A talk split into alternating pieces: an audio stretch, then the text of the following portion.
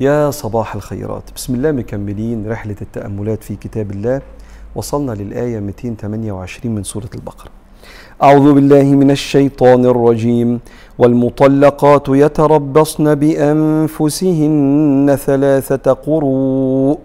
ولا يحل لهن أن يكتمن ما خلق الله في أرحامهن. إن كن يؤمن بالله واليوم الآخر وبعولتهن أحق بردهن في ذلك إن أرادوا إن أرادوا إصلاحا ولهن مثل الذي عليهن بالمعروف وللرجال عليهن درجة والله عزيز حكيم. والمطلقات يتربصن بأنفسهن ثلاثة قروء. ربنا سبحانه وتعالى في آيات الطلاق هنا بيضبط مواقيت العدة. الست لما بتطلق المفروض إن هي ما تبدأش تاخد خطوة في حياتها مرتبطة بزواج آخر إلا بعد فترة اسمها فترة العدة. والعدة دي بتتحسب في الشريعة الإسلامية بحاجة اسمها القرء. القرء دي اللي هي أو القرء برضو تنطق كده بيتحسب بالطهر أو الحيض. فإما وده جمهور الفقهاء أن القرء أو القرء عندهم ثلاث طهورات أو عند الأحناف إن القرء ده ثلاث حيضات. بغض النظر ثلاث طهورات أو ثلاث حيضات المهم إن في ثلاث أحوال بتعدي على المرأة إما ثلاث طهورات أو ثلاث حيضات وبيها تنتهي عدة المرأة. وبعدين إحنا عندنا أنواع تانية من العدة. زي مثلا عدة المرأة الحامل. ما بيبقاش هنا ليها علاقة بالقروء ليها علاقة بوضع الحمل. فالمرأة الحامل عدتها لما تضع الحمل. قال سبحانه وتعالى واللائي يئسن من المحيض من نسائكم إن ارتبتم فعدتهن ثلاثة, ثلاثة شهور. الست اللي كبرت في السن وصلت لما يسمى عند الناس بسن اليأس يعني انقطع الحيض العدة بتاعتها ثلاث شهور قمرية مش ثلاث حيضات أو ثلاث طهورات هي ما بقاش عندها حيض. وبالتالي ثلاث شهور قمرية دي اللي يأست سنها كبر ما بقاش في حيض. قال تعالى واللائي لم يحضن وأولاة الأحمال أجلهن أن يضعن حملهن. الست الحامل أجلها مش ثلاث قروء أجلها لما تضع الحمل بتاعها. والعلماء برضو بيقولوا على حد تاني أو صورة تانية من صور العدة الست اللي ملهاش عدة اللي جوزها كتب عليها يعني اسمها مراته مكتوب كتاب لكن لم يتم البناء أو الدخول.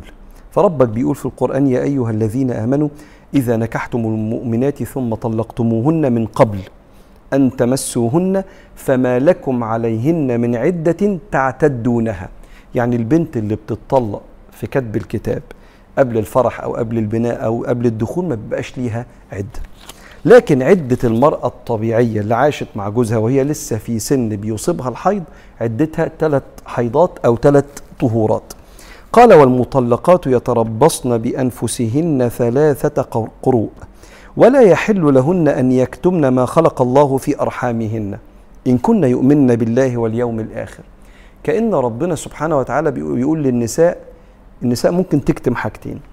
ممكن تكذب أو تغير في وقت الطهر والحيض علشان إما تأخر فتزود مدة العدة فده ممكن يبقى مكلف على الرجل. عموما هو في الشيء ده فيه غش أو تقلل مدة العدة لأن الراجل عليه نفقة اسمها نفقة العدة طول ما العدة موجودة ونفقة المتعة بعد كده. فممكن تزود المدة أو ممكن تقللها علشان تتحرر من الرجل.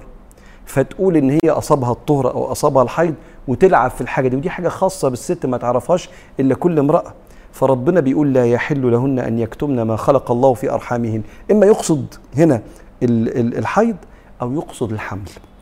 إن مفيش ست تتطلق وبعدين تكتم إن هي حامل أو مش حامل بحيث إن هي يبقى في شيء من الغش لجوزها لأي غرض ممكن يجي في بالها.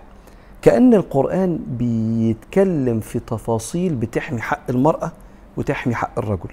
قال ولا يحل لهن أن يكتمن ما خلق الله في أرحامهن.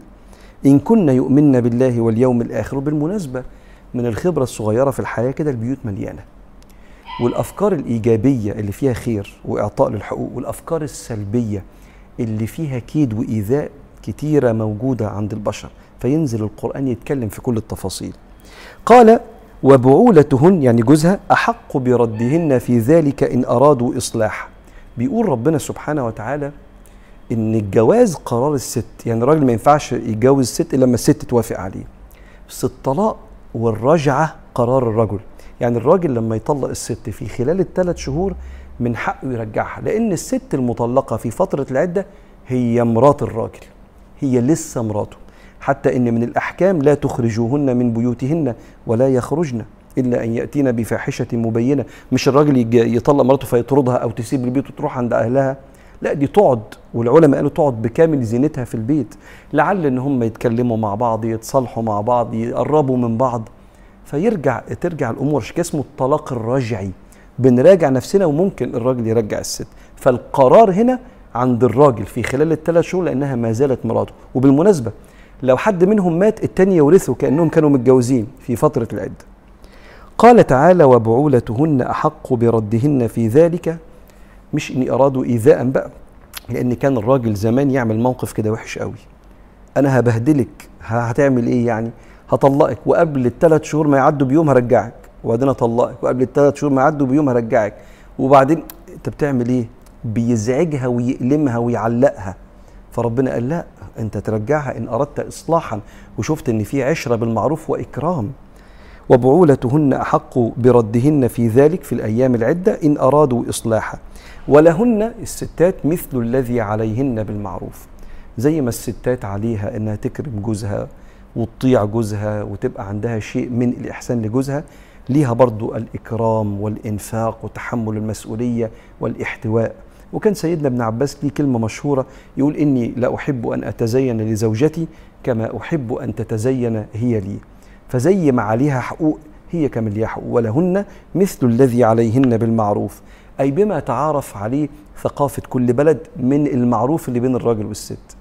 الحب والرومانسية والإكرام والإنفاق بيختلف من ثقافة لثقافة ومن بلد لبلد ومن جيل لجيل. فما تعارف عليه الناس من الإكرام لهن مثل الذي عليهن بالمعروف. قال وللرجال عليهن درجة. لها أكثر من تفسير.